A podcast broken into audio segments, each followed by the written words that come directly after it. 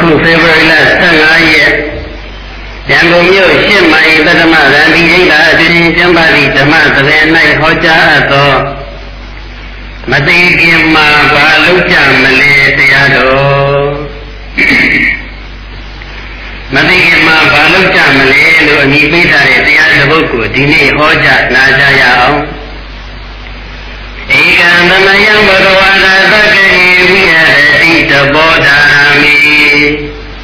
ဧကံသမယအခါတစ်ပါး၌ဘဂဝါသုံးခုထထသဗ္ဗညုမြတ်စွာဘုရားသည်သာသကေရာဇဂုမြို့၏နိနိုင်ဖြစ်သောတဘောဓာရမိတဘောဓာယုံကြောင်းတိုင်း၌ဝိရတိကောင်းစွာမသွေတင်သုံးတော်မူခဲ့ပါ၏တည်း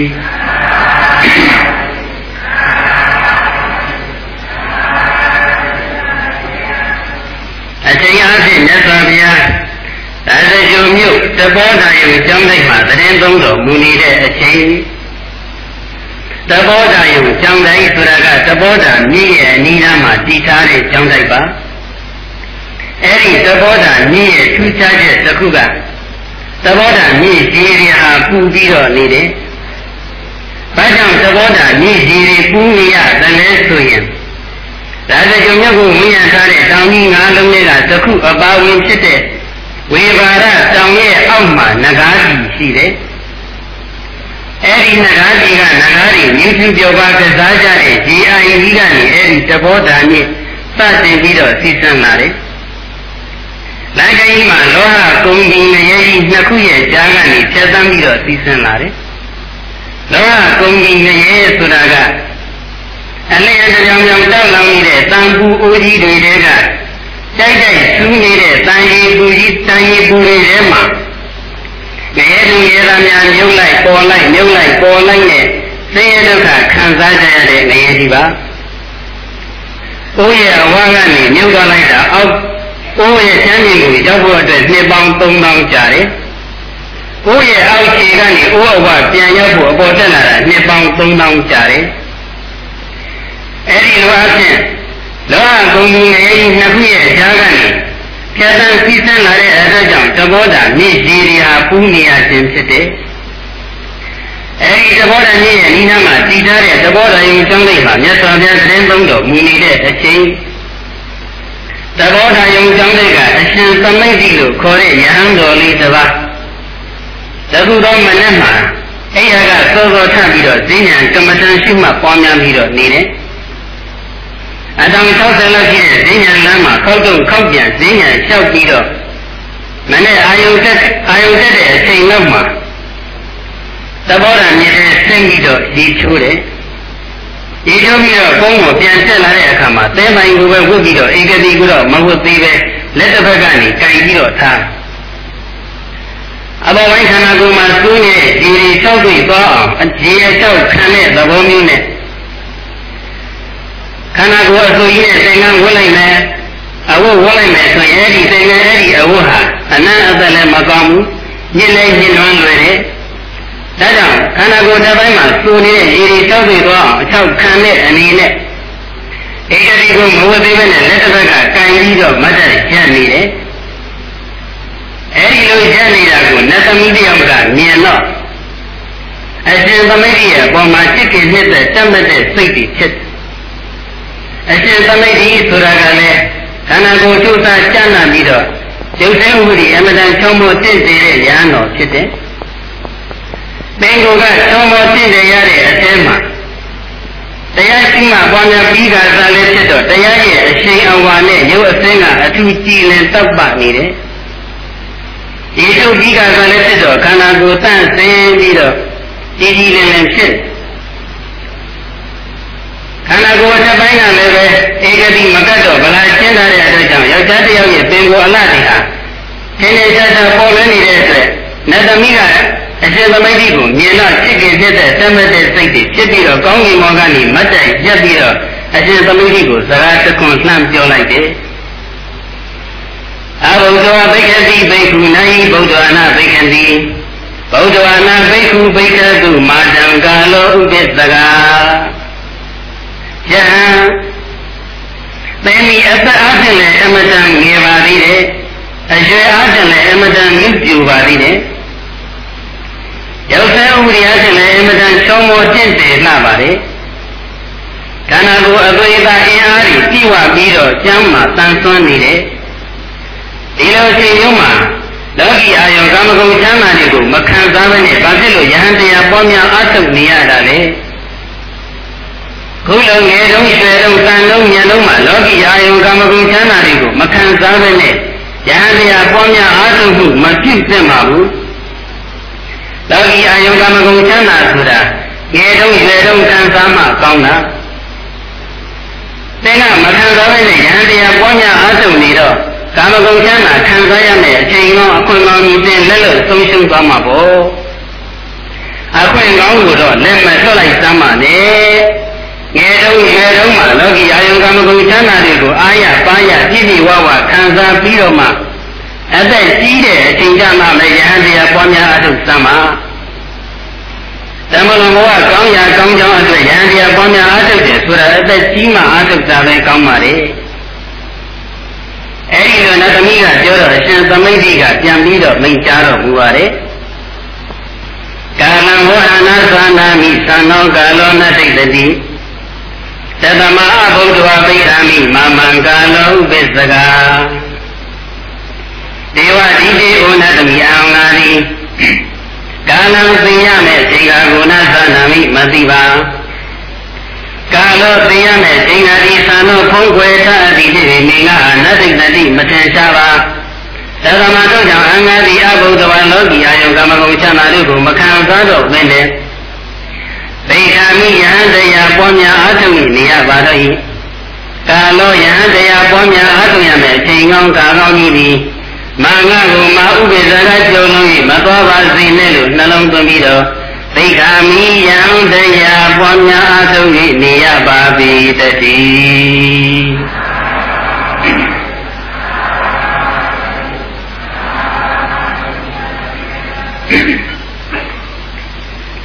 နတ်သမီးတေကငါ့ကိုအသက်အချင်းငယ်သေးလို့အရွယ်အချင်းမြင့်ပြူသေးလို့ယဟန်တရားပွားများအထုမှုမပြုပါနဲ့အောင်အာယုံကံကုန်ချမ်းသာတွေကိုပဲခံစားပါအောင်လို့တေကပြောတယ်အသက်ကြီးမှပဲယဟန်တရားကိုပွားများအားထုတ်ပါလို့သင်ကပြောတယ်။ဒါပေမဲ့ငါကတော့သိရမယ့်အချိန်ကိုကြိုတင်ပြီးတော့မသိပါဘူး။အသက်ကြီးမှပဲသိရမယ်အသက်ငယ်တုန်းတော့မသိသေးဘူးလို့ ငါတရားမယ်အချိန်ကိုအဲ့ဒီလိုခံမှန်းလို့မရပါဘူးအသက်ကြီးမှပဲတရားအားထုတ်တော့မယ်အသက်ငယ်တုန်းကကာမဂုဏ်အာယုံခံစားအောင်မယ်လို့ကြီးမှန်းထားပေမဲ့အသက်ကြီးတဲ့အချိန်ငါကအသက်မရှင်ရဘဲနဲ့အသက်ငယ်တုန်းညာသိသွားခဲ့ခြင်းယဟန်တရားပွားများအားထုတ်ရမယ်အချိန်ကောင်းအခွင့်ကောင်းကြီးငါလည်းလို့ဆုံးရှုံးသွားမှာပေါ့အချိန်ကောင်းအခွင့်ကောင်းကြီးတော့ငါလည်းလို့အဆုံးရှုံးမခံနိုင်ဘူး အသောရှုံးမခံဘူးဆိုတဲ့စိတ်နဲ့ငါသည်ဉာဏ်တရားပွားများအားထုတ်မှုပြုနေရခြင်းဖြစ်ပါတယ်။လောကီအာယံကာမဂုဏ်ချမ်းသာတွေကိုမခံစားတော့ဘဲနဲ့ဉာဏ်တရားပွားများအားထုတ်နေရခြင်းဖြစ်ပါတယ်နတ်သမီး။အရှင်သမိတ်ရဲ့ဖြေချချက်ကိုကောက်ချက်ချကြည့်လိုက်မယ်ဆိုရင်အရှင်သမိတ်ရဲ့အရှင်သမိတ်ဟာသိခြင်းတရားကိုအမြဲတမ်းဆင်ခြင်နေတယ်။သိခြင်းတရားကိုအမြဲတမ်းတတိယနေတယ်။ အချိန်မရွေးပြေသွားနိုင်တယ်ဆိုတဲ့အသည့်အရှင်သမိတ်ရဲ့နှလုံးသားထဲမှာဆွေဆွေမြင်းမြင်းရှိတယ်ဆိုတာကိုကောက်ချက်ချလို့ရတယ်။နောက်တစ်ခုကောက်ချက်ချနိုင်တာကဒေခြင်းတရားကိုသင်ရင်ပွားများမှုဟာဉာဏ်တရားပွားများအားထုတ်မှုကိုတရားကြီးမားစွာနဲ့အထောက်အကူပြုတယ်ဆိုတဲ့ချက်ပါပဲ။ဉာဏ်တရားပွားများအားထုတ်တယ်ဆိုတာတော့အဓိကအားဖြင့်ဝိပဿနာလို့အားထုတ်ခြင်းပါပဲ။ သီလသမာဓိကိုအခြေခံပြီးတော့ဝိပဿနာလို့အားထုတ်တာကိုပဲယဟန်တရားပွားများအားထုတ်တယ်လို့ခေါ်ပါတယ်။ဒီတော့သိခြင်းတရားကိုသင်ញအောင်မြင်မှုဟာဝိပဿနာလို့အားထုတ်မှုကိုအင်အားကြီးမားစွာနဲ့အထောက်အကူပြုတယ်။သိခြင်းတရားကိုမသင်ကျင်မိတဲ့ပုဂ္ဂိုလ်များကတော့အကာအလုပ်တွေလည်းပဲအချိန်ကုန်နေတတ်တယ်။ဒါနဲ့ဒါရရှိတဲ့ကိစ္စတွေကိုမေ့လျော့ပြီးတော့နေတတ်ကြတယ် လောကီအယံကမကုံချမ်းသာတွေကိုခံစားတယ်မကောင်းမှုဒုစရိုက်တွေကိုပြုတယ်ဆိုတာကတော့အကာအလုပ်တွေလုပ်နေတယ်ဆိုတာသင်ရှားပြီးသားပါအဲ့ဒီအကာတွေမလုပ်ပါဘူးကုသိုလ်ကိစ္စတွေပဲလုပ်နေတယ်လို့ဆိုပြန်တော့လည်းပဲကုသိုလ်အမိခံစားတဲ့အဘောယံကုမကသနာသင်္ဘောကြောကြမှုလက်လာပါဆက်ရှိတဲ့အကျိုးတွေတက်တဲ့အချိန်ကုန်နေတော့အဲ့ဒီအလုပ်တွေလုပ်နေတာလည်းပဲအကာကိစ္စတွေနဲ့အချိန်ကုန်နေကြမှာပဲ အဲ့ဒီအကာကိစ္စတွေလည်းမလုပ်ပါဘူးအနည်းစေအနှစ်မှန်ဖြစ်တဲ့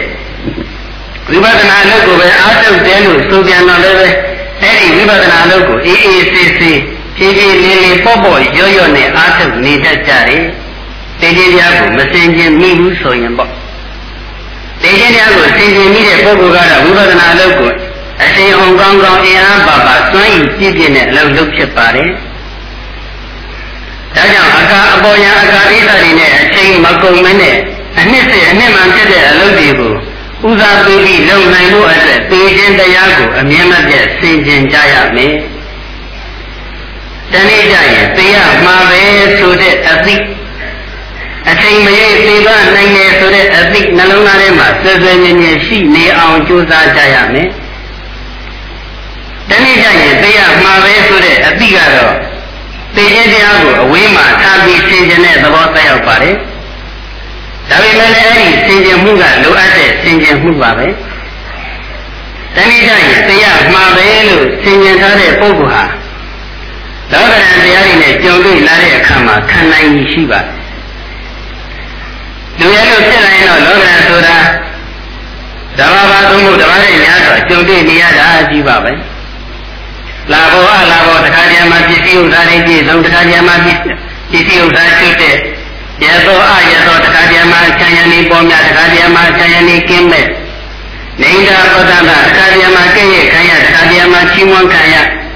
ဒုက္ခဒုက္ခတခါတည်းမှာကိုယ်စိတ်နှစ်ပါးချမ်းသာတခါတည်းမှာကိုယ်စိတ်နှစ်ပါးဆင်းရဲအဲ့ဒီတော့လေလောကဓာတ်7ပါးသဘာဝသုံးမှုတစ်ပါးနဲ့များတဲ့လောကဓာတ်တွေနဲ့သူအားဖြင့်စိတ်တိုင်းစိတ်တိုင်းစိတ်ကြုံနေကြရတာပါပဲ။ အဲ့ဒီလိုလောကဓာတ်နဲ့သိကြုံလာတဲ့အခါမှာ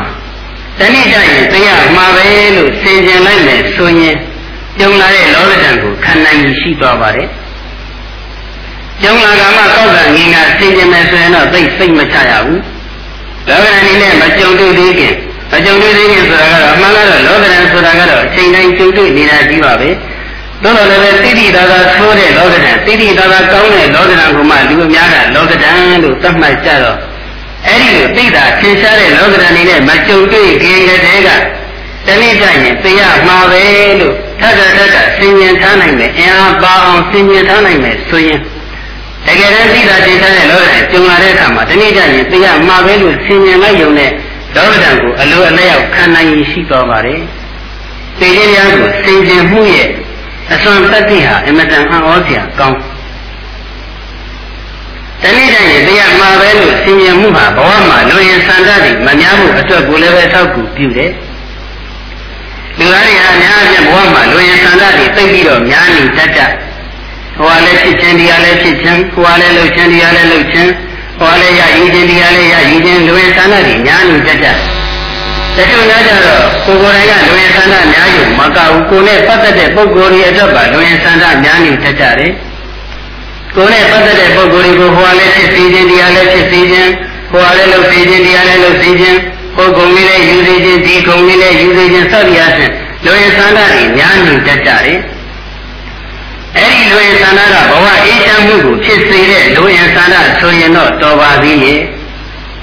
ဘဝအေးချမ်းမှုကိုဖြစ်စည်းစေတဲ့လူရင်သန္တာဆိုရင်တော့ဥပမာဂုံမကသနာတို့သင်္ဘောကြောကြမှုတို့ အဲ့ဒီလူရင်သန္တာမျိုးဆိုရင်တော့အဲ့ဒီလူရင်သန္တာကိုအကောင်ထဲပေါ်နေတဲ့အချိန်မှလည်းပဲ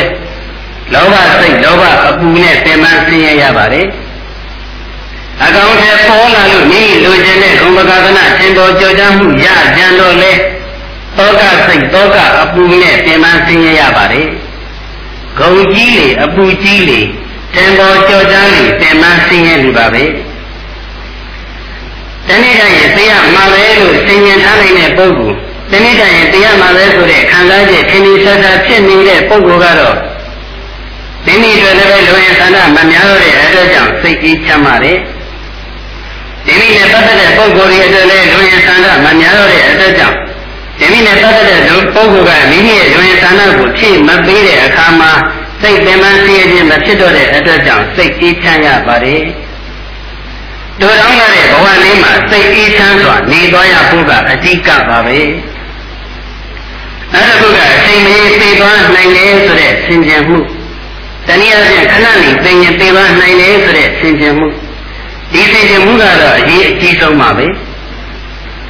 အချိန်မီသိသွားနိုင်တယ်လို့အချိန်မီသိသွားနိုင်တယ်လို့ဆင်ခြင်ထားနိုင်တဲ့ပုဂ္ဂိုလ်ဟာမိမိရဲ့နှလုံးသားမှာ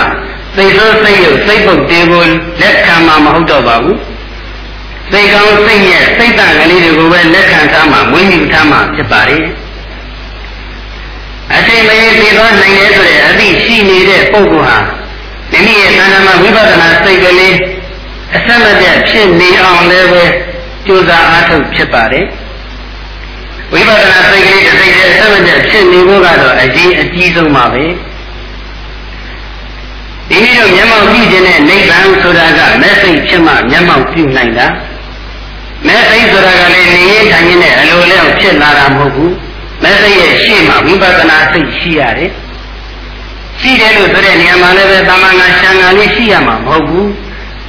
အင်အားရှိတဲ့ဝိပဿနာစိတ်ရှင်းကျက်တဲ့ဝိပဿနာစိတ်ရှိနေရမယ်အင်အားရှိတဲ့ဝိပဿနာစိတ်ရှင်းကျက်တဲ့ဝိပဿနာစိတ်ဖြစ်ဖို့ဆိုတာကလည်း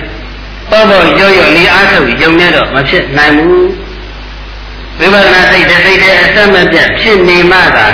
အားရှိတဲ့ဝိပဿနာစိတ်ရင့်ကျက်တဲ့ဝိပဿနာစိတ်ဖြစ်နိုင်တယ်ဝိပဿနာစိတ်တစ်စိတ်တည်းအဆက်မပြတ်ဖြစ်ဖို့ဆိုတာကလည်းထိုင်တဲ့အချိန်မှမှတ်ယုံဈဉ္ဉံချိန်မှမှတ်ယုံလေးနဲ့ဝိပဿနာစိတ်တစ်စိတ်တည်းအမြဲတမ်းမဖြစ်နိုင်ဘူးအထွေထွေဒီဝေကိစ္စလေးတွေဆောင်ရွက်နေတဲ့အချိန်မှလည်းပဲအထွေထွေလေးစိတ်အမှတ်ကလေးတွေကိုအထူးတန်ဖိုးထားပြီးတော့လေးလေးစားစားရှုမှတ်မှသာလျှင် ဒီနည်းရဲ့တဏ္ဍာမဝိပဿနာစိတ်တစ်စိတ်တည်းအဆက်မပြတ်ဖြစ်နေမယ်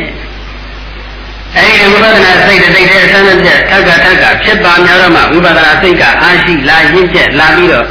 အာရှိသောရင့်ကျက်သောဝိပဿနာစိတ်ရဲ့ခြားမဲ့မှာမဲ့စိတ်ဖြစ်ပြီးတော့ဒီနည်းလိုလိုလားဆန်းတဲ့နိဗ္ဗာန်ကိုမျက်မှောက်ပြုနိုင်ကြမှာဖြစ်တဲ့ဒီတော့ဝိပဿနာလိုအားထုတ်နေကြတဲ့ပုဂ္ဂိုလ်များရဲ့အကြီးအကြီးဆုံးတာဝန်ဟာဒီနည်းရဲ့တဏ္ဍာမဝိပဿနာစိတ်ကလေးအဆက်မပြတ်ဖြစ်နေအောင် ကြိုးစားအားထုတ်ဖို့ပါပဲအချိန်မင်းသိသွားနိုင်တယ်ဆိုတဲ့အသည့်ရှိနေတဲ့ပုဂ္ဂိုလ်ဟာအချိန်တိုင်းအချိန်တိုင်းဝိပဿနာစိတ်ကလေးဖြစ်အောင်ကြိုးစားအားထုတ်ဖြစ်ပါလေဒါကြောင့်လောကဓာတ်ခန္ဓာကြီးရှိဖို့နဲ့ဘဝမှာလူရည်ဆန္ဒတွေမများဖို့အတွက်တနေ့ကျရင်သိရမှာပဲလို့သိသေးပြနဲ့ပတ်သက်ပြီးတော့ဆင်ခြင်ကြရပါမယ် သိကောင်းနှလုံးကောင်းရှိဖို့နဲ့ဝိပဿနာစိတ်ကလေးအသက်မပြတ်ဖြစ်ဖို့အတွက်အချိန်မရွေးပြီးသွားနိုင်တယ်သို့မဟုတ်ခဏနေသိရင်ပြီးသွားနိုင်တယ်လို့သိသေးပြနဲ့ပတ်သက်ပြီးတော့ဆင်ခြင်ကြရပါမယ်ဒါကြောင့်မရဏတတိအနုယုတ်သောဘိက္ခုတတ္တံအပမတောဟောတိဘေကဝေသိဏလေးပါးချက်သားချက်သမီးတို့မရဏတတိဒီရတရားကိုဆင်ញအောင်မြင်ခေါ်တဲ့မရဏတတိတရားကို အနုယုတ်သောဗမ္မာအာထုသောဘိက္ခုယဟန်ဒီဝပုဂ္ဂိုလ်သည်တတ္တတံအမြဲမပြတ်အပမတောအပမရာတရားနှင့်ပြည့်စုံသည်အပမတောအနှစ်စေနှစ်မှန်ဖြစ်တဲ့ကုသိုလ်အလုပ်ဝိပဿနာအလုပ်တို့၌မမိတ်မလျော်ခြင်းခေါ်တဲ့တတိတရားနှင့်ပြည့်စုံသည်ဟောဒီစင်စစ်မသွေဖြစ်ပါပေတည်း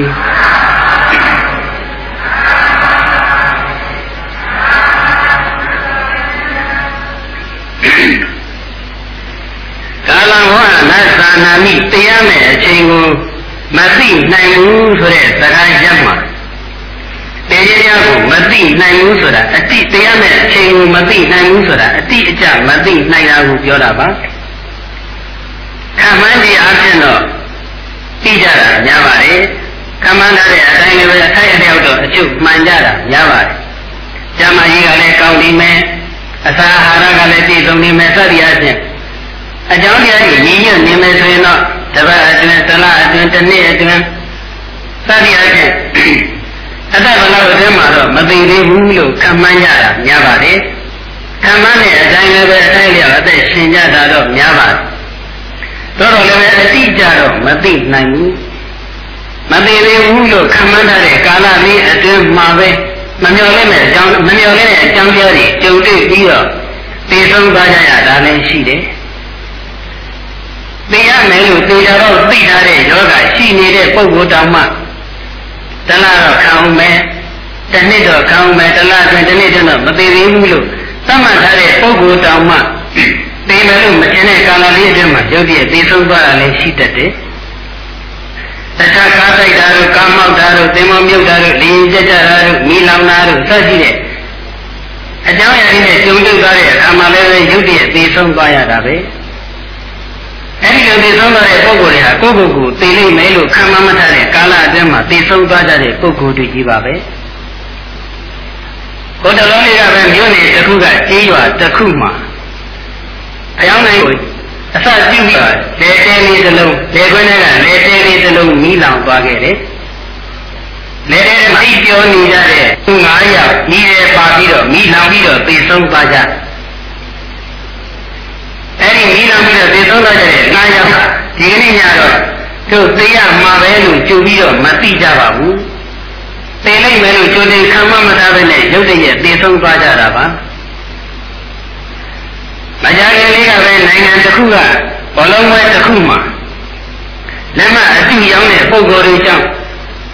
ဒီဘောလုံးပွဲအတွင်းမှာဆန်းတဲ့လူဦးရေတဲ့အစာပေါင်းများစွာပြည့်ရှမ်းသွားတဲ့အတွက်ကြောင့်လူတွေတယောက်နဲ့တယောက်တူမိတိုင်းမိ တက်မိနေမိကြတဲ့အတွက်ကြောင့်လူပေါင်း80ကျော်သေဆုံးသွားကြတယ်အဲဒီသေဆုံးသွားတဲ့လူတွေလည်းသူတို့ကိုယ်သူတို့သေနိုင်မယ်လို့ကြိုပြီးတော့မသိကြပါဘူး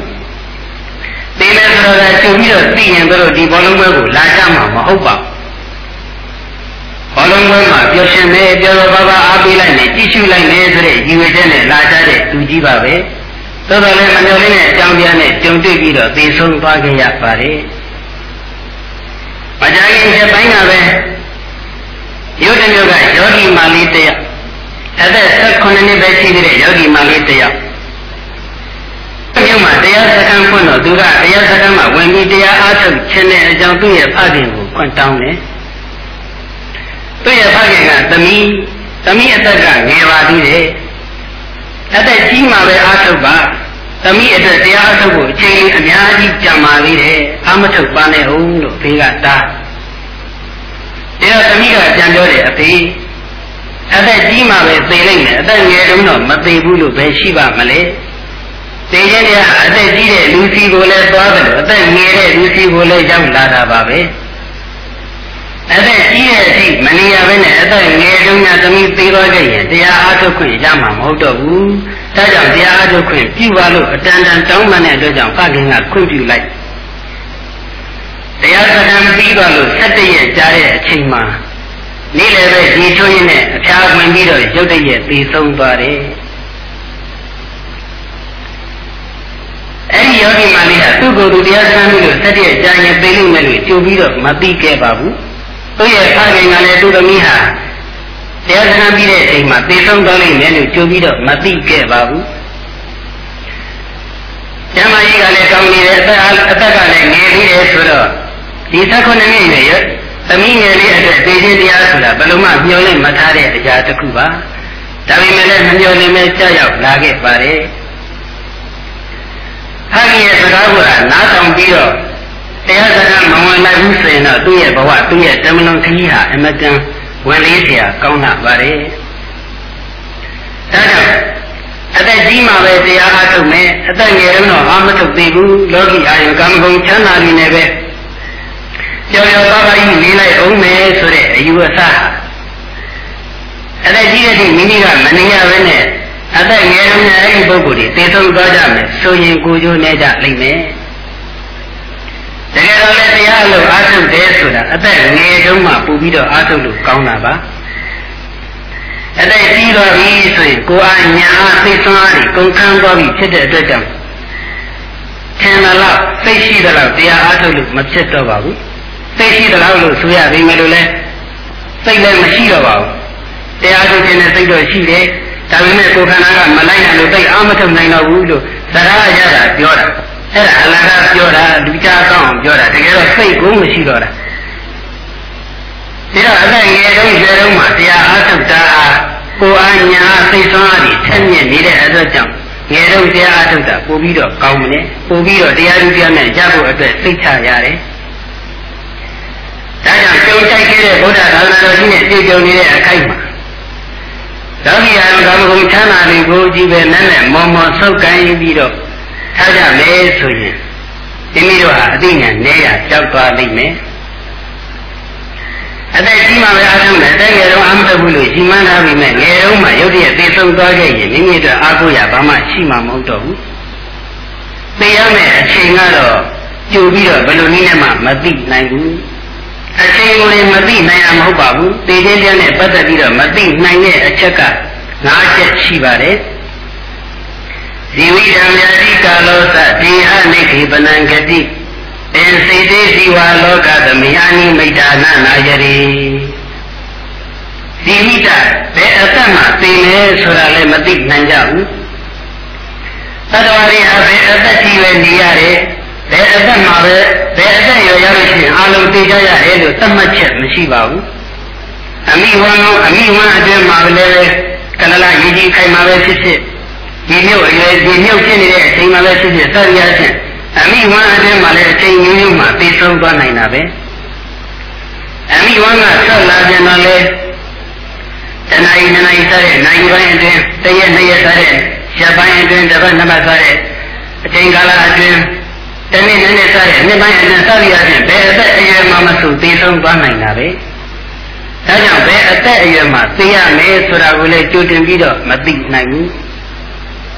ကြာတိဘယ်အနာယောဂနဲ့သိဆုံးရမယ်ဆိုတာကိုလည်းမသိနိုင်ဘူး။တတဝရီဟာဘယ်နာယောဂနဲ့ပဲသိဆုံးရတယ်ဆိုတဲ့အတိအကျသတ်မှတ်ချက်မရှိဘူး။ယသိနာနဲ့လည်းသိနိုင်တယ်လို့နာနဲ့ပတ်သက်တဲ့ယောဂနှာခေါင်းနဲ့ပတ်သက်တဲ့ယောဂရှားနဲ့ပတ်သက်တဲ့ယောဂကိုယ်နဲ့ပတ်သက်တဲ့ယောဂစိတ်နဲ့ပတ်သက်တဲ့ယောဂသတိအချင်းဘယ်ယောဂနဲ့မဆိုသိဆုံးသွားနိုင်တယ်။ ယောဂတစ်ခုနဲ့တစ်ခုရင်မကဘဲနဲ့တစ်ခုတည်းများတဲ့ယောဂတွေနဲ့လည်းသိဆုံးသွားနိုင်တာပဲ။တရားနဲ့တရားသိဆုံးရမယ့်ယောဂတွေကလည်းမတူကြဘူး။ဒါကြောင့်မိမိဒီဘယ်နာယောဂနဲ့သိဆုံးရမယ်မိမိသိလုံတဲ့အချိန်မှာဘယ်နာယောဂဖြစ်မယ်ဆိုတာကိုကြိုတင်ပြီးတော့မသိနိုင်ဘူး။ကာလသိရမယ့်အချိန်ကိုလည်းမသိနိုင်ဘူး။တတ္တဝါတွေဟာမနေ့ပိုင်းချိန်မှာပဲသိကြတယ်။ကျန်တဲ့ချိန်တွေမှာမသိဘူးလို့ဒီလိုသတ်မှတ်ချက်မရှိဘူး။ မနေ့ပိုင်းမှာလည်းသိဆုံးနိုင်တယ်လို့နေ့လယ်ပိုင်းမှာလည်းသိနိုင်တယ်ညနေပိုင်းမှာလည်းသိနိုင်တယ်ညပိုင်းမှာလည်းသိနိုင်တယ်။အမေဆိုင်ရင်လည်းသိနိုင်တယ်လို့ခြေတော်ရင်းနဲ့လည်းသိသွားနိုင်တယ်ဘုရားရှိခိုးနဲ့သိဆုံးသွားနိုင်တယ်လို့တကယ်သာဖန်နေရင်ကလည်းလည်းသိခြင်းသိသွားနိုင်တာပဲဒီတော့ဘယ်အချိန်မှမဆိုသိဆုံးသွားနိုင်တဲ့အတွက်ကြောင့်သိရမယ့်အချိန်ကိုလည်းကြိုတင်ပြီးတော့မသိနိုင်ဘူး ဒီဟာနေခိပနသိပြီးတဲ့နောက်မိမိရဲ့အလောင်းတော်ဘယ်နေရာမှာပြစ်ချရမလဲဆိုတာလည်းမသိနိုင်ဘူးတဏှာရာသိဆုံးသွားတဲ့အခါမှာဒီတည်းတနေရာမှာပဲအလောင်းတော်ပြစ်ချရတယ်လို့အတိအကျကန့်သက်ချက်မရှိဘူးရည်တဲ့မွေးတဲ့ပုဂ္ဂိုလ်ကကုံပေါ်မှာအလောင်းပြစ်ချခံရင်ခံရမယ်။ကုံမှာမွေးတဲ့ပုဂ္ဂိုလ်ကရည်တဲ့မှာအလောင်းပြစ်ချခံရင်ခံရမယ်။ ကျောင်းမှာမွေးတဲ့ပုဂ္ဂိုလ်ကမြို့မှာအလောင်းပြစ်ချခံရင်ခံရမယ်။မြို့မှာမွေးတဲ့ပုဂ္ဂိုလ်ကတောမှာအလောင်းပြစ်ချခံရင်ခံရမယ်။သတိအားဖြင့်ဘယ်နေရာမှာမဆိုမိမိရဲ့အလောင်းကပြစ်ချခံနိုင်တယ်။အခုခေတ်ဆိုလို့ရှိရင်တော့ပေါ့လေရန်ကုန်မှာမွေးထားတဲ့ပုဂ္ဂိုလ်များကတော့ကြိုတင်ပြီးတော့ပြောကြမှာပေါ့ ရှင်များတို့ကဟောတဲ့အလောင်းကောင်ပြစ်ချခံတဲ့နေရာမသိဘူးတတိတော်တို့ကသိတဲ့ဗျာရံကုန်မှာမွေးတာဆိုတော့တတိတော်တို့ကြံတော့သွားရမှာသိကြတယ်လို့တချို့ကပြောခြင်းပြောမယ်အခုတော့ကြံတော့သွားရမယ်လို့လည်းကြိုတင်ပြီးတော့သိထားတဲ့ပုံကိုယ်တွေကြိုတင်ပြီးခမန်းထားတဲ့ပုံကိုယ်တွေလည်းလွဲချော်ကုန်ကြတယ်နော်ဒီတော့အလောင်းကောင်ဘယ်နေရာပြစ်ချခံရမယ်ဆိုတာလည်းမိမိတို့မသိနိုင်ဘူးခတိ သင်လုံးကြီးတဲ့နောက်ဘယ်ဘဝကိုလာရောက်ရမယ်ဘယ်ဂတိကိုသွားရမယ်ဆိုတာကိုလည်းကြိုပြီးတော့မသိနိုင်ဘူးတတ္တဝါတွေအသိဆုံးပြီးသွားရင်ဒီဂတိတစ်ခုကိုပဲသွားရတယ်လို့ဒီလိုကန့်သက်ချက်မရှိဘူးဘုရားမဆိုတဲ့လူ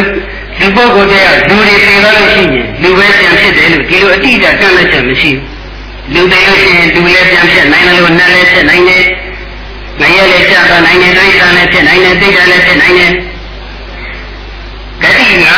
မျိုးမှာတစ်မျိုးမျိုးဖြစ်နိုင်တယ်။နတ်တွေသိလို့ရှိရင်နတ်ပဲပြန်ဖြစ်တယ်လို့ဒီလိုကန့်သက်ချက်လည်းမရှိဘူး။နတ်တွေဟောတဲ့သိနတ်တွေသိလုံးပြီးတော့နတ်ပြန်ဖြစ်တဲ့လူလည်းရှိမယ်။လူပြန်ဖြစ်လူဖြစ်လာတဲ့ပုဂ္ဂိုလ်လည်းရှိမယ်သတိအချင်း။အဲ့တော်တွေသိဆုံးပြီးတဲ့အခါမှာ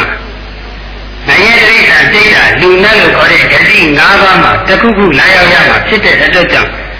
မိမိသိဆုံးတဲ့အခါမှာဘယ်ဂတိကိုလာရောက်ရမယ်ဆိုတာလဲကြိုတင်ပြီးတော့မသိနိုင်ကြဘူး။သ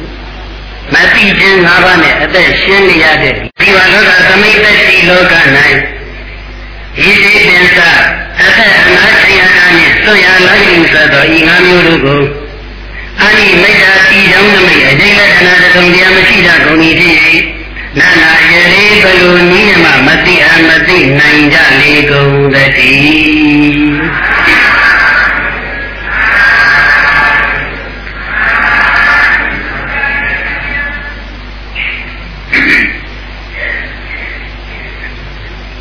သမီးရဲ့ဒီဆိုချက်မှာကာလမောဟနသာနာမိသံသောကာလောနတိတတိတသမအဘုဒ္ဓဝဘိက္ခာမိမာမံကာလောဥပ္ပစ္စကငါဒီသိရမယ့်အချိန်ကိုမသိနိုင်တဲ့အတွက်ကြောင့်လောကီအာယုကမဂုဏ်ချမ်းသာတွေကိုမခံစားတော့ဘဲနဲ့ယဟန်တရားပွားများအထုတ်နေရပါတယ်လို့ဆိုထားတော့လူရဲ့သက်ခံပေါ်မှာမူတည်ပြီးတော့ခံရတဲ့တွေကွဲပြားသွားကြတယ် ဒါကနသမီးရဲ့ခံယူချက်နဲ့အရှင်သမီးရဲ့ခံယူချက်ကိုနိုင်ရှင်ပြီးတော့ကြည့်သိနိုင်တယ်အရှင်နသမီးရဲ့ခံယူချက်ကတော့မသေးခင်ချိန်ကာလလေးအတွင်းမှာလှုပ်တဲ့လှုပ်လောက်ရမယ့်အလုပ်ဒီလောကီအာယံကာမဂုဏ်ချမ်းသာခံစားတဲ့အလုပ်လို့ခံယူထားပါတယ်အရှင်သမီးကတော့မသေးခင်ချိန်ကာလလေးအတွင်းမှာလုပ်ရမယ့်အလုပ်ဒီဝိပဿနာအလုပ်အားထုတ်တဲ့အလုပ်လို့ခံယူထားပါတယ် ခံယူချက်ချင်းမတူညီကြပါဘူး။ဒါနဲ့တရားမှာပဲဆိုတော့အာလုံးသိကြတယ်။အချိန်မရွေးပြီးတော့နိုင်ရဲဆိုတာလည်းသိကြတယ်။သိတာချင်းတူပေမဲ့လက်ခံချင်းမတူတော့ခံယူချက်တွေကွာပါကြ။ကာမဇတ်ကိလေသာဇတ်အားကောင်းတဲ့ပုဂ္ဂိုလ်များကတော့မနေခင်ကာလမှာအာယုံကာမဂုဏ်ခံစားမှုဒီဘဝရဲ့အနှစ်သာရလို့ခံယူထားကြတယ်။ဒီကာမဇတ်ပါရမီဇတ်အားကောင်းတဲ့ပုဂ္ဂိုလ်များကတော့မနေခင်ချိန်ကာလမှာလုပ်ရမယ့်အလုပ်တွေ ယဟန်တရားပွားများအားထုတ်တဲ့အလုပ်ဒါနဲ့သီလသမထနဲ့တကွဝိပဿနာအလုပ်အားထုတ်တဲ့အလုပ်လို့ခံယူထားကြတယ်။ဒီတော့နတ်သမီးရဲ့ခံယူချက်နတ်သမီးရဲ့ခံယူချက်မျိုးရှိတဲ့လူသားတွေလည်းအများကြီးရှိကြပါတယ်။အများကြီးဆိုတာကအများဆုံးရှိကြပါတယ်။တခါတော့ကဥပ္ပေရဲ့လူဘဝတုန်းကတငယ်ချင်းတစ်ယောက်ကိုတရားအားထုတ်ဖို့တိုက်တွန်းမှုတယ်။ဒီကမှာဝင်ပြီးအားထုတ်မှ အိမ်မှာလည်းပဲအိမ်တူကြီးတော့ပြီးတာထိုင်မှမဟုတ်ပါဘူးသွားရင်လာရင်လုံရင်ကန်ရင်နေရင်ထိုင်ရင်စားရင်တောင်းရင်ပြောရင်ဆိုရင်လည်းပဲတတိပညာထည့်ပြီးတော့အလုပ်လုပ်သွားရင်တရားအားထုတ်လို့ဖြစ်ပါလေမိမိရဲ့အလုပ်မပြတ်တဲ့တရားအားထုတ်လို့ဖြစ်ပါလေဆိုတဲ့အကြောင်းကိုအားထုတ်ကုန်အားထုတ်နည်းနဲ့တော့သူ့ကိုပြောပြအဲဒီလိုပြောတဲ့တကယ်ကြီးဖြစ်တဲ့ပုဂ္ဂိုလ်ကဘာပြန်ပြောတယ်လဲဆိုရင်ဦးဇင်းမယားတတိတော် တရားအားမထုတ်ပြရသိနေလို့ဘာဖြစ်လို့လဲဒါပြီးတော့တရားအားထုတ်လိုက်လောကီယာယံကာမဂုဏ်ချမ်းသာတွေခံစားခြင်းနဲ့စိတ်ကြောက်သွားလိမ့်မယ်ဒါပြီးတော့အခုမှအသက်အငယ်လေးရှိသေးတာလောကီယာယံကာမဂုဏ်ခံစားခြင်းနဲ့စိတ်တွေကြောက်သွားလို့မဖြစ်ဘူးဗျာရခဲ့တဲ့ဥပဝါဒီရတဲ့အခိုက်မှာမိမလေးတယောက်တော့အနည်းဆုံးယူတော်ပြစီဦးတဲ့သူကပြန်ပြောတယ် အနည်းဆုံးတော့ယူပါဗျာတယောက်တော့အနည်းဆုံးယူပါဗျာတယ်ဆိုတော့သူကြည့်ရတာတယောက်မကယူခြင်းကိုပေါ်တယ်နော်ဒီတော့လက်သိကလို့ခံရရှိတဲ့ပုဂ္ဂိုလ်တွေဟာလောကမှာအများဆုံးပါပဲအရှင်သမီးကြီးတို့ခံရရှိတဲ့ပုဂ္ဂိုလ်တွေကတော့ခံရရှိတဲ့အတိုင်းလည်းလက်တွေအကောင်းကျဖော်ပြီးတော့လုံးလုံးဖြစ်တဲ့ပုဂ္ဂိုလ်တွေကတော့အမတန်ကိုလဲပါလာပါတယ်နတ်သမီးကတို့လည်းခံရရှိတဲ့ပုဂ္ဂိုလ်များက ဉာဏ်တရားပွားများအားထုတ်တယ်ဝိပဿနာလည်းအားထုတ်တယ်ကုသိုလ်ကောင်းမှုတွေပြုတယ်ဆိုတာနောက်သမဏဘဝကြမှာအကျိုးရတဲ့အလုံးနောက်သမဏဘဝကြမှာပဲအကျိုးခံစားရတဲ့အလုံးလို့ခံယူထားကြတယ်လောကီယာယကာမဂုဏ်ချမ်းသာခံစားတဲ့အလောကမှာဒီဘဝမှာချက်ချင်းလည်းအကျိုးခံစားရတဲ့အလုံးလို့အဲ့ဒီယူဆထားကြအဲ့ဒီအရှင်အဲ့ဒီအယူဆမှားရတဲ့အကြောင်းကို အရှင်သမီးကနတ်သမီးကိုပြန်ပြောတဲ့အချက်ကိုအခြေခံပြီးတော့အနေနဲ့အာယုံကြည့်ကြည့်ရအောင်ကာလိကကာမဘဟုဒုက္ခဘဟုပါယတာအာရိနဘောဣသပိယောကာမလောကီယာယုံကာမဂုဏ်ချမ်းသာရူသည်ကာလိကအချိန်ပြည့်မြမအကျိုးရတဲ့ကာလိကတရားတို့သာလည်းနီ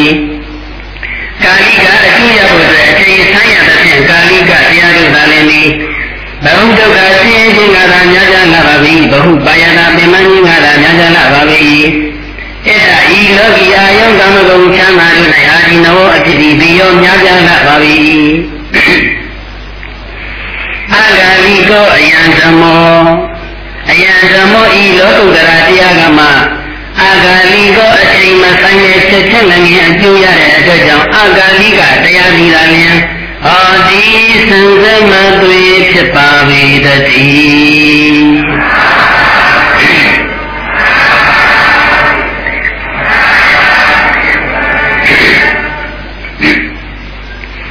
လောကီအယံကာမဂုဏ်ချမ်းသာပြီဆိုတာကကာလိကတရားတွေလောကုတ္တရာတရားကမှအကာလိကတရား တရားကုံတော်6ပါးထဲမှာအကာလိကောဆိုတဲ့ဂုဏ်တော်လေးတစ်ခုပါတယ်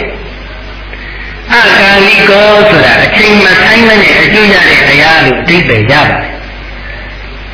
လောကုတ္တရာတရားတွေဆိုတာကအချိန်မဆိုင်မနဲ့ချက်ချင်းလည်းအကျိုးရတဲ့တရားတွေပါအဓိကအားဖြင့်တော့မေတ္တရားပါမဆိတ်မိမိရဲ့တန်တမှာဖြစ်ပြီးဆိုရင်မဆိတ်ရဲ့အချမ်းနဲ့မှာပုံစိတ်ချက်ချင်းဖြစ်ပါလေ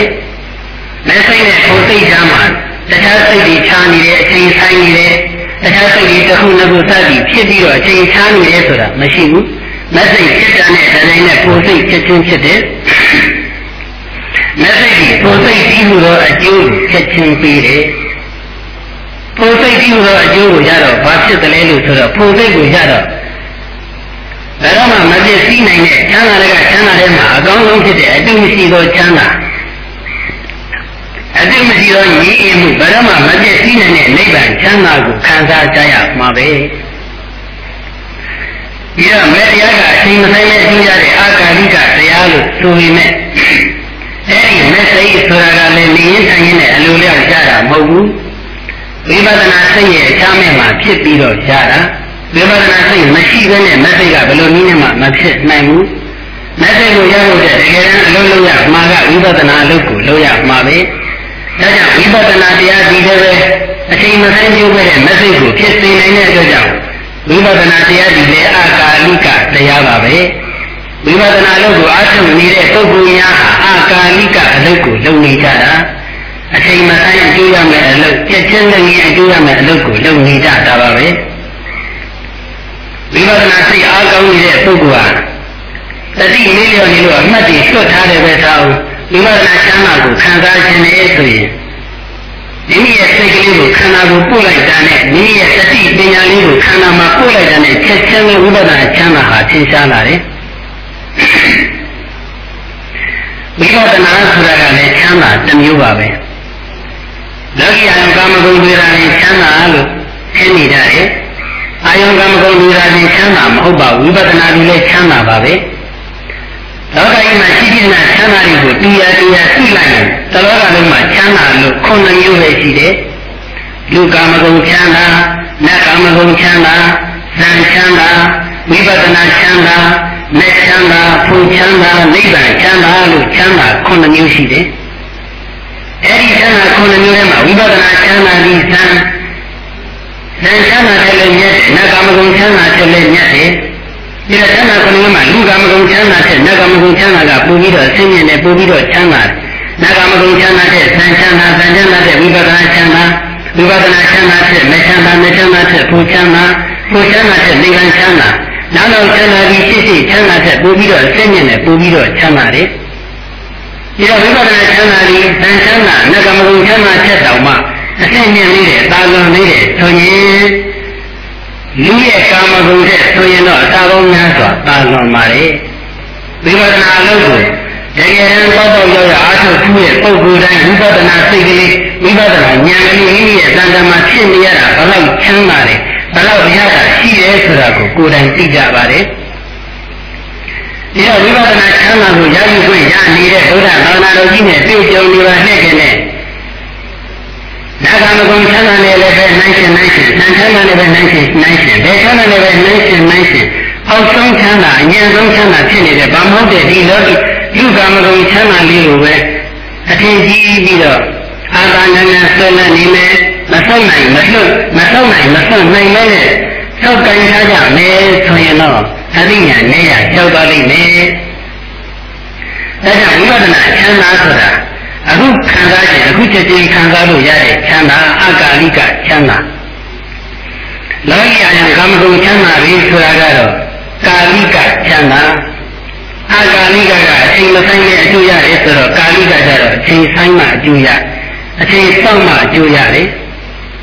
ဟုတ်တယ်ဘောလောကီယံကာမဂုဏ်ချမ်းသာရင်အခုခံစားခြင်းအခုချက်ချင်းနဲ့ခံစားလို့ရတယ်မှမရှိပဲခံစားခြင်းနဲ့စိတ်ဖြစ်လိုက်တဲ့တိုင်းနဲ့အလိုလျောက်ခံစားရတယ်ဆိုတာမရှိဘူး ဆိုတော့အခုထိုင်နေမှတည်းနဲ့တစ်ချင်းလေးတစ်ပုဒ်နားထောင်ခြင်းနဲ့ဆိုတော့ကိုယ်ကတစ်ချင်းနားထောင်ခြင်းနဲ့တစ်ချင်းနားထောင်ခြင်းလိုက်တာလို့တစ်ချင်းနားထောင်ခြင်းနဲ့စိတ်ကလေးဖြစ်တဲ့တခြင်းကတခြင်းကနားထဲမှာအလိုရကြားမလာပါဘူး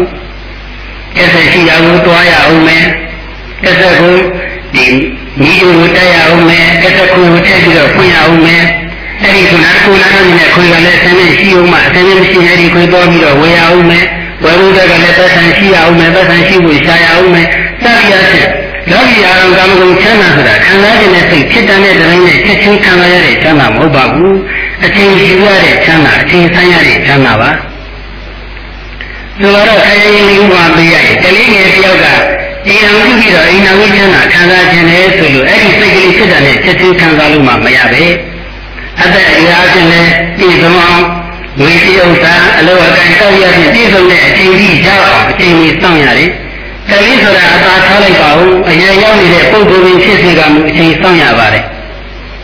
အိမ်နာမလည်းပြုခြင်းနဲ့ပြီးရမယ့်ရွယ်ကလည်းရှောက်နေပြီရှောက်လို့မကဘူးလွန်နေပြီ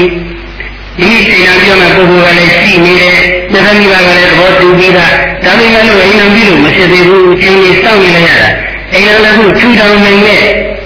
လူကြီးပမာဏအလောကန်စားတဲ့အနေထားနဲ့ပြည့်စုံအောင်အချိန်ကြီးစောင့်နေရတာ တချို့ဆိုရင်ဒီထဲမှာအလုံးလုံးရတဲ့မပြီးပဲနဲ့ဒီဘက်မှာသွားပြီးတော့ပြင်ပန်းပန်းအလုံးလုံးရတဲ့မိမိခံစားခြင်းနဲ့ချမ်းသာအတွက်အချိန်စောင့်ရပါတယ်။ဒီတော့ကာမဂုဏ်ချမ်းသာဆိုတာကအချိန်နဲ့အများကြီးရင်းနှီးပြီးတော့မှအချိန်ဆိုင်မှရတဲ့ချမ်းသာမှုတို့ဘာမှမမောလောက်စရာမရှိပါဘူး။အခုခဏစားခြင်းနဲ့ဆိုလို့ဗဒတဲ့ခမင်းကအလိုလိုကြောက်မလာဘူး။အမေစားခြင်းနဲ့စိတ်ဖြစ်ဖြစ်ချင်းခမင်းကကြောက်မလာဘူး။ ချက်ပြီးကြောက်ပြီးတော့ဖြစ်စေကမှုကူရခရအောင်နဲ့ကူပြီးခပြီးတော့လည်းလက်သိရအောင်နဲ့သံဃာနေသိတော့ရအောင်နဲ့ပြီးတော့သံလုပ်ကြည့်ရအောင်နဲ့ယူရအောင်နဲ့ခွင့်ရအောင်နဲ့စရခြင်းအချိန်ကြီးအများကြီးစောင့်ရတယ်ကူပြီးခပြီးတော့မှအချိန်စောင့်ရတယ်ကူပြီးခပြီးအစ်ချက်ပြီးကြုံပြီးအစ်ကိုရောက်ဖို့ဆိုတာကလည်းဆံလို့အင်းချက်ပြလို့ဝယ်ရအောင်နဲ့အဲဒီလိုဝယ်နိုင်ဖို့ကလည်းပတ်စံရှိရမယ်ပတ်စံရှိဖို့ပတ်စံရှာရအောင်နဲ့ထမ်းလိုက်တဲ့လို့ စားဖို့အတွက်ဒီခင်းစားရဲဆိုတာလည်းဒါတာယာရဲ့စိတ်နဲ့စားရင်ဒါလည်းကာမဂုဏ်ချမ်းသာခံစားတာပါပဲကာမဂုဏ်ဆိုတာကအသင်အတန်အနတ်အရသာအတိတွေးလို့၅မျိုးရှိပါတယ်အများစုကတော့ကာမဂုဏ်လို့ဆိုလိုက်ရင်တစ်ခုခုပဲတော့ပြီးတော့မြင်တတ်ကြပြီးတော့သမန္တိရောကာမဂုဏ်ကိုခံစားဖို့အတွက်ကိုအချင်းကြီးအများကြီးယူရတယ်အချင်းကြီးအများကြီးစောင့်ရတခြားတခြားတော့ ခံစားကြအာယုကာမဂုဏ်နဲ့ဆက်သွင်းပြီးတော့သိကြတော့ဒီတော့လောကီအာယုကာမဂုဏ်ချမ်းသာတယ်ဆိုတာအချိန်စောင့်မှတွေ့ရတဲ့အတွက်ကြောင့်ကာလိကတရားတွေပါဘာမှအနှစ်သာရမရှိပါဘူး။တနည်းအားဖြင့်ကာလိကအကာလိကအခွဲကတော့သိခြင်းတရားကိုလွန်မြောက်နိုင်တဲ့ချမ်းသာကိုအကာလိကချမ်းသာသိခြင်းတရားကိုမလွန်မြောက်နိုင်တဲ့ချမ်းသာကိုကာလိကချမ်းသာလို့ခေါ်ပါတယ်။ လောကီအာယုကာမဂုဏ်ချမ်းသာတွေကသိခြင်းတရားကိုမလွန်မြောက်နိုင်တဲ့ချမ်းသာတွေပဲ။ဒါနသီလသမထဝိပဿနာမပါဘူးနဲ့ကာမဂုဏ်အာယုခံစားမှုတတ်တဲ့နဲ့သိခြင်းများကလွန်မြောက်သွားတယ်ဆိုတာမရှိပါဘူး။သိခြင်းကလွန်မြောက်တယ်ဆိုတာကတော့နိဗ္ဗာန်ကိုမျက်မှောက်ပြုတာကိုပြောတာပါ။ဒီတော့အာယုကာမဂုဏ်ခံစားမှုနဲ့သိခြင်းများကိုမလွန်မြောက်နိုင်တဲ့အပြင်အာယုကာမဂုဏ်ဒီပေါ်မှာဆွေးနွေးတဲ့စိတ်နဲ့သိအောင်နဲ့ဆိုရင် အပယ်လေးပါးကိုတောင်မှကြားရောက်နိုင်ပါသေးတယ်။အာယုံကံမကုန်လေးကိုရှာဖွေတဲ့နေရာမှာမကောင်းမှုဒုစရိုက်တွေပြုလုပ်ခဲ့မယ်မတရားတဲ့သံဃာညမှုတွေပြုလုပ်ခဲ့မယ်ဆိုရင်တော့အဲ့ဒီအမှုတွေအတွက်အပယ်လေးပါးမှာဒုက္ခအကျိုးတွေဆက်ကြရမှာပါပဲဒီတော့အာယုံကံကုန်ခံစားမှုဟာသိခြင်းတရားကိုမလွန်မြောက်နိုင်တဲ့ချမ်းသာပဲဒီဝဒနာချမ်းသာမဲ့ဖို့ချမ်းသာဆိုတာကတော့သိခြင်းတရားကိုလွန်မြောက်နိုင်တဲ့ချမ်းသာ အရဟတမေအရဟတကိုရပြီးတော့ယန္တာဖြစ်သောသွားပြီဆိုရင်တော့ဒီတဘောကပဲသိရတော့မယ်နောက်ဘဝဘဝအဖြစ်ထပ်ပြီးတော့မဖြစ်တော့တဲ့အတွက်ကြောင့်သိခြင်းတရားကနေအတိတိုင်ကြောင်ရောက်သွားပြီတတော်မှမသိရတော့သောတာပန်ပုဂ္ဂိုလ်တို့တတ်ကြည့်တဲ့အောက်အရိယာပုဂ္ဂိုလ်ဆိုရင်တော့အရိယာပုဂ္ဂိုလ်ဝင်ဖြစ်စေကောင်းဘဝတည်းထပ်ဖြစ်အောင်မှမို့လို့သူတို့လည်းပဲသိခြင်းတရားကိုမလွန်မြောက်ကြသေးဘူး။ဒါ တော့လည်းအရိယာပုဂ္ဂိုလ်များတဲ့တော့တရားနဲ့ဘဝအပိုင်းခြားကန့်သက်ရှိသွားပြီဖြစ်တဲ့အတွက်ကြောင့်သူတို့ကိုမသိတော့မဲ့ပုဂ္ဂိုလ်လို့ပဲဆိုနိုင်ပါတယ်။ဒီတော့မက်စိတ်ဖြစ်မှသိခြင်းများကနာမနိုင်မှဆိုတော့မက်စိတ်ဖြစ်ဖို့ကလည်းဝိပဿနာသိရှိမှဖြစ်နိုင်တာဆိုတော့ဝိပဿနာအလုပ်ကိုလုပ်နေခြင်းဒီလည်းပဲသိခြင်းတရားကိုလွန်မြောက်နိုင်တဲ့အလုပ်ကိုလုပ်နေခြင်းပါပဲဝိပဿနာချမ်းသာဒီလည်းပဲအကာလိကချမ်းသာပါပဲ နောက်တစ်မျိုးဖြစ်လည်းပဲသိခြင်းဆိုတာပျက်စီးခြင်းပါပဲလောကီအာရုံကမ္မဝင်ချမ်းသာပြီဆိုတာကပျက်စီးသွားမယ်ချမ်းသာပြီလောကုတ္တရာချမ်းသာတွေကတော့ဘယ်တော့မှမပြည့်စည်နိုင်တဲ့ချမ်းသာတခါဆရာတဲ့အာယုကမကမှာအမြဲတမ်းတည်တံ့ပြီးတော့ဒါဝရတည်ငြိမ်နေရဲဆိုတာမရှိဘူးတခါခံစားပြီးတော့ကုံသွားတယ်ကုံသွားတဲ့ကြောင့်နောက်ထပ်နောက်ထပ်ခံစားဖို့အတွက်ရှာဖွေရတယ်မက်စိတ်ကအဒီစစ်ပြီးသွားရင်သောတာပန်စစ်ပြီးတဲ့ပုဂ္ဂိုလ်က သောတာပန်ဖြစ်ကနေကြောက်ကြသွားလို့သောတာပတိမက်ကိုဖြစ်အောင်ထပ်ကျင့်ရတယ်ဆိုတာမရှိဘူးဒါတော့မတရားဘုရားနိဗ္ဗာန်တရားနာပြီးဘယ်တော့မှမကုန်ပြတ်နိုင်တဲ့ချမ်းသာပဲဒီတော့ကုန်ပြတ်တော့တဲ့ချမ်းသာကုန်ပြတ်တော့တဲ့ချမ်းသာရဲ့အတွက်အလုံးလုံးနေရတာဟာဘာမှအနှစ်သာရမရှိဘူးမကုန်ပြတ်တဲ့ချမ်းသာအတွက်အလုံးလုံးနေရတာကအနှစ်သာရပဲလို့အဲ့ဒီသဘောပေါက်ကြမယ်ဆိုရင်မသိခင်မှာဘာလို့ကြမလဲဆိုတဲ့နေကုန်းအတွက်ဖြေထွက်လာနိုင်တာပါပဲ အတ္တမမီကိုယ်တိုင်ကမရဏဓမ္မောတရားခြင်းသဘောရှိပါလျက်ဝါကုံကြရခြင်းသဘောရှိပါလေမရဏဓမ္မကြီးဝါကုံကြရတဲ့သဘောကိုယ်တိုင်ဝါသိရရှိတဲ့သဘောကိုယ်တိုင်ပရိယေတိရှာမိနေကြတယ်ဆိုရင်အယံဤအယံဤရှာမိခြင်းဒီအနာရိယပရိယေဒနာမမြတ်သောရှာမိခြင်းဖြစ်ပါ၏အရဏမိမိကိုယ်တိုင်ကမရဏဓမ္မောတရားခြင်းသဘောရှိပါတော့လည်းပဲဝါကုံကြရမယ့်သဘောရှိပါတော့လည်းပဲအမတန်ဓမ္မော သင်ခြင်းကင်းတဲ့တရားကိုအမတန်ဓမ္မကုံကြတော်ခြင်းမရှိတဲ့သဘောတရားကိုပရိယေတတိရှာမိကြမယ်ဆိုရင်တော့အရင်ရှာမိခြင်းဒီအရိယပရိယေဒနာသိခြင်းတရားမှလုံလောက်နိုင်တဲ့အတွက်ကြောင့်မြတ်သောရှာမိခြင်းဒီသာလျင်ဟောဒီစင်စစ်မသွေဖြစ်နိုင်ပါပေတည်း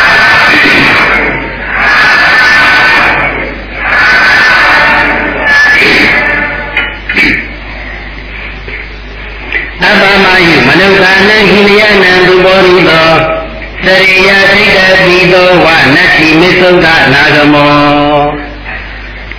လေကဝေသိတလေးပါးစေတန်းစေသမီးတို့မနုဿာနံလူတို့ဤအာယုအသက်ဒီအပံတူတောင်းနာပါ၏လူရရဲ့အသက်ဟာအင်မတန်တူတောင်းနေလူရရဲ့အသက်တူတောင်းတဲ့အကြောင်းကိုပို့ပြီးတော့အိပ်ပဲဒီနဲ့အောင်ဆိုပြီးတော့မြတ်စွာဘုရားကအရဟတဆရာကြီးရဲ့အဆုံးအမကိုနမူနာပြပြီးတော့ဆုံးမခဲ့တယ် တခါတော့ကအရကလို့ခေါ်တဲ့ဆရာကြီးတယောက်ရှိသူကမိမိရဲ့တပည့်ရာတော်များစွာကိုမကြာခဏသုံးမလို့ရှိတယ်ဒါပဲလို့လူတွေရဲ့အသက်ဟာအမတန်တူတောင်းနေအသက်ရှင်သန်နေရပြန်တော့လည်းအမတန်ပင်ပန်းစေရတယ်ဒါကိုညာနဲ့သင်မြင်ပြီးတော့မသိခင်အင်္ဂါလာလေးအတွင်းမှာကုသိုလ်ကောင်းမှုကိုပြုပါမြတ်သောအကျင့်ကိုပြင်ပါအဲ့ဒီမကြာခဏသုံးမလို့ ရှိလူတန်တူတဲ့အကြောင်းလည်းပဲဥပမာခုနှစ်မျိုးနဲ့သုံးပါလိမ့်ရှိတယ်။အနုကနံသီရိတံဥဒ္ဒါဝဘိန္ဒုပမံလူသားရဲ့အသက်ဟာစီးနှင်းမောက်နဲ့တူတယ်။မြတ်သောမှာတင်းနေတဲ့စီးနှင်းမောက်ဟာကြာရှိသောတည်တံ့ခြင်းမရှိဘူး။နေရာမီဆက်လာတဲ့ဒဇိုင်းနဲ့ဆိုစီးနှင်းဟာကွယ်ပြောက်သွားရ။အဲဒီလိုပဲလူသားရဲ့အသက်ဟာအမတန်တူတောင်းတယ်။အနုကနံသီရိတံဥဒကပုဂ္ဂိုလ်လူပမံလူသားရဲ့အသက်ဟာဒီဘက်ကလေးနဲ့လည်းတူတယ်။ ရေမမမိုးရွာချလိုက်တဲ့အခါမိုးရေရှိမှတဲ့နေရာမှာယူဘကလေးတွေထလာအဲ့ဒီယူဘကလေးဟာထတာချင်းချက်ချင်းပဲကွဲပြောက်သွားရတယ်။ကြံနေဆိုမတည်ဘူး။အဲ့ဒီဘလူသားတွေအသက်အားလည်းအမတန်တူတောင်းလာပါတယ်။မနုဿနံသီရိတံဥဒကေတံကရာစုပမံလူသားတွေရဲ့အသက်ဟာရေပေါ်မှာတုံးနဲ့ရေးထားတဲ့ရေချောင်းလေးနဲ့လည်းတူတယ်။ရေပေါ်မှာထုံချောင်းလေးတစ်ချောင်းနဲ့ဉာဏ်ရောင်လေးတစ်ခုရေးလိုက်မယ်ဓမ္မမို့သလုံးလေးတစ်လုံးရေးလိုက်မယ်ဆိုရင် အဲ့ဒီဉာဏ်အဲ့ဒီသလုံးဟာကြာကြာမတိတမနဲ့ချက်ချင်းပဲခွဲပြောက်သွားရတယ်။အဲ့ဒီလိုပဲလူသားရဲ့အသက်ဟာလည်းအမတန်တူတောင်းပါလေမနုဿနာဇီဝိတနတိပပတိပမံလူသားရဲ့အသက်တောင်ပေါ်ကစီးစင်းလာတဲ့မြေကြီးနဲ့လည်းပဲတူတယ်တောင်ပေါ်ကနေအရှင်ဟူပြင်းသွားတဲ့စီးစင်းလာတဲ့ရှင်ဟာနောက်ကိုဘယ်တော့မှမပြန်မနဲ့ရှေ့ကိုပဲတောက်တောက်စီးစင်းသွားတယ်လို့လူသားရဲ့အသက်ဟာလည်းအမတန်တူတောင်းပါလေ မနုဿနာဇီဝိတံခိလဘိန္တိပမံလူသားရဲ့အသက်ဟာတတူကောင်းနေတယ်တူတယ်လူတယောက်တတူထွေးတော့မယ်ဆိုတော့တတူထဲမှာရှိတဲ့တတူတွေကိုရှားချမ်းမှစုလိုက်တယ်စုပြီးတော့ထွေးလိုက်တယ်တတူတွေကိုစုလိုက်တဲ့အချိန်စုပြီးတော့တတူထွေးလိုက်တဲ့အချိန်ဟာဘာမှမကြဘူးအဲ့ဒီလိုပဲလူသားရဲ့အသက်ဟာလည်းပဲအမတန်တူတောင်းလာပါတယ်မနုဿနာဇီဝိတံမန္တပိတုပမံ လူသားရဲ့အသက်ဟာအသားကျင်နေတယ်တူတယ်တနေ့လုံးအပူပေးထားတဲ့သံအိုးကြီးရဲ့မှာအသားတော်ကြီးတုံပြစ်ချလိုက်မယ်ဆိုရင်အဲ့ဒီအသားတော်မှာရှဲကလေးညီးပြီးတော့ချက်ချင်းပဲကွယ်ပြောက်သွားရတယ်။အဲ့ဒီလိုပဲလူသားရဲ့အသက်ဟာအမတန်တူတောင်းလာပါတယ်။မနောတနာဇီဝိတံခောဝိစုပမံလူသားရဲ့အသက်ဟာအသက်ခံရမယ်နောင်မနဲ့လည်းတူတယ်။နောင်မတကောင်ကိုတတ်တော့မယ်ဆိုပြီးတော့တာသယုံခေါ်သွား အဲ့ဒီနွားရဲ့ခြေလန်းနဲ့ခြေလန်းနဲ့ဟာသာသယုံနဲ့နီးလာတယ်တေခြင်းတရားနဲ့နီးလာတယ်အသေးခံရမှုနဲ့နီးနီးလာတယ်အဲ့ဒီလိုပါပဲလူသားရဲ့အသက်အားလည်းအမတန်တူတောင်းလာပါတယ်အဲ့ဒီဥပမာခုနမနဲ့လိတတန်တူတောင်းတဲ့အကြောင်းပြောပြီးတော့အဲ့ဒီလိုပတ်လိတတန်တူတဲ့အကြောင်းကိုအများကြီးသင်ကျင်ပြီးတော့တပည့်တို့ကုသိုလ်ကောင်းမှုကိုပြကြပါမြတ်သောအကျင့်ကိုကျင့်ကြပါလို့အရကဆရာကြီးကသုံးမှ အမှန်ကတော့အဲ့ဒီအဆုံးအမကိုမြတ်စွာဘုရားရှင်ကသုံးမခြင်းတာပါပဲတော်တော်လေးတိုင်းတိုင်းမသုံးမပဲနဲ့အရကဆရာကြီးသုံးမရတာကိုနမူနာပေးပြီးသုံးမတာဘာကြီးကြလဲဆိုရင်မိရဲ့အဆုံးအမပူပြီးတော့လင်းနဲ့သိခြင်းလို့ပါဘယ်လိုလင်းနဲ့တော်တယ်လဲဆိုတော့လူတတန်တူလာပါတယ်လို့သုံးမရတဲ့အရကဆရာကြီးကိုထစ်တုံးကလူတတန်ဟာဘယ်လောက်ရှိတယ်လဲဆိုရင်အနည်း6000ရှိတယ်ဒီနေ့ဒီတတန်နဲ့ကြည့်လိုက်ရင်တော့အနည်း6000ဆိုတာ အတတန်ရှိလိုက်တာကုန်သေးလိုက်တာလို့ထင်စရာကြီးပါပဲအဲ့ဒီလိုအသက်ရှိတဲ့ခေတ်မှာတောင်မှလူတတန်ဟာတူလိုက်တာလို့ပညာရှိသူတော်ကောင်းများသင်ချင်းနှလုံးသွင်းပြီးတော့ကုသိုလ်ကောင်းမှုပြုခဲ့ကြသေးတယ်ဆိုရင်ချက်သားတို့ချက်သမီးတို့ဒီကနေ့လူတတန်မှာလူတတန်တူလိုက်တာလို့ပို့ပြီးတော့သင်ချင်းသက်နာပေါ့အပိုက်ရှင်နေရပြန်တော့လေဆင်းရဲသာသာတတ်တဲ့သာသာနဲ့ရှင်ရသလားဆိုတော့ဘ ഹു ဒုက္ခဘ ഹു ပါယတံ ဆင်းရဲခြင်းပြမန်းခြင်းကသာများတယ်အသက်ရှင်ရတာပြမန်းဆင်းရဲလိုက်တာလို့ပြောနေတဲ့အရကဆရာကြီးတို့ဖြစ်တုံးလိုက်အနာရောဂါဆိုလို့ဘာပဲရှိတယ်လဲဆိုရင်သောက်လေးဝအာဘာဒအေတုံယောဂ6မျိုးပဲရှိသီတံအုံနံသိကိစ္စသိပါတာဥစ္စာရောပတ္တဝောသီတံအေးရာယောဂအုံနံပူရာယောဂသိကိစ္စသမင်းခါရာယောဂ ပိပါဒရှင်ငတ်တာယောဂဥစ္စာတော့ရှင်ကြီးစွန့်ကျင်တာယောဂသဗ္ဗဝရှင်ရင်စွန့်ကျင်တာယောဂဒီကနေ့ဖြစ်နေတဲ့ကြီးလိုက်တာအဲ့ဒီ6မျိုးဟာယောဂလို့တောင်သတ်မှတ်เสียမဟုတ်ပါဘူးဘာမှမပြောတော့တဲ့6မျိုးကိုတော့မှနာယောဂလို့သတ်မှတ်ပြီးတော့အသက်ရှင်ရတာပြန်မဆင်းရလိုက်တာလို့ရှင်ရင်နှလုံးသားနဲ့ပြီးတယ်ဆိုရင်ဒီကနေ့ကအနာယောဂတွေကျူပြောလာတဲ့ခေတ် သာဝတိကျမ်းမာရဲ့တဲ့ပေမမမယုံကလှုပ်ရှားရတဲ့ခင်မှာအသက်ရှင်တန်နေရတာပင်မဆင်းရလိုက်တာလို့ကိုပြီးတော့နှလုံးသွင်းသင်ကြတာပေါ့ချက်သားချက်သမီးတို့ဒါကြောင့်မနုဿနံလူတို့ဤအာယုပတ္တိအပကံနေပါလာပါပြီပရိဒံတူတော်လာပါပြီလဟုကံနှဉ္ဉံလုံးလာပါပြီသူဘောရီတော်အတိလိမ္မာဉာဏ်ဉာဏ်ရှိတဲ့သူတော်ကောင်းပုဂ္ဂိုလ်ဤနန္တုအသက်ကိုဟိလိယကိရဲ့ရှုံချရ၏ အသက်ကိုတည့်ရဲ့ကျွန့်ထားရမယ်ဆိုတာဣဒ္ဓတာတူတောင်းလိုက်တာအမတန်ကိုယ်ွယ်လိုက်တာလို့အဲ့ဒီဉာဏ်နဲ့သင်မြင်ရမယ်လို့ဆိုလိုတာပါပဲသာတကမွေးဖွားလာသောပုဂ္ဂိုလ်ကြီးအမရဏမတရားခြင်းညီညီနဲ့ထိမရှိပါပဲမွေးဖွားလာတဲ့ပုဂ္ဂိုလ်မှန်ရင်တော့သိရမှာပဲမသိဘူးဆိုတာမရှိဘူးမေသုဒ္ဓသိခြင်းတရားဤနာဂမောရှောင်းမလားမဲ့အချိန်ခါဒီနတ်ထိမရှိပါဘူး သိခြင်းတရားရောက်မလာမဲ့အချိန်ဆိုတာမရှိဘူးအချိန်မရသိခြင်းတရားကရောက်လာနိုင်တယ်လူတရားဟာအချိန်မရသိဆုံးသွားနိုင်ဘာဖြစ်လို့လဲဆိုတော့လူရဲ့ခန္ဓာမှာသိခြင်းတရားကအများနဲ့ကပ်ပြီးတော့လိုက်ပါလာလို့ပဲလူသားတွေလူပေါ်လာတဲ့အခါမှာ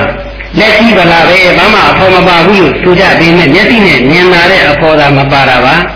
မျက်စိနဲ့မမြင်ရတဲ့သိခြင်းတရားပြုဆိုအဖော်ကတော့လူတိုင်းမှာပါလာကြတယ်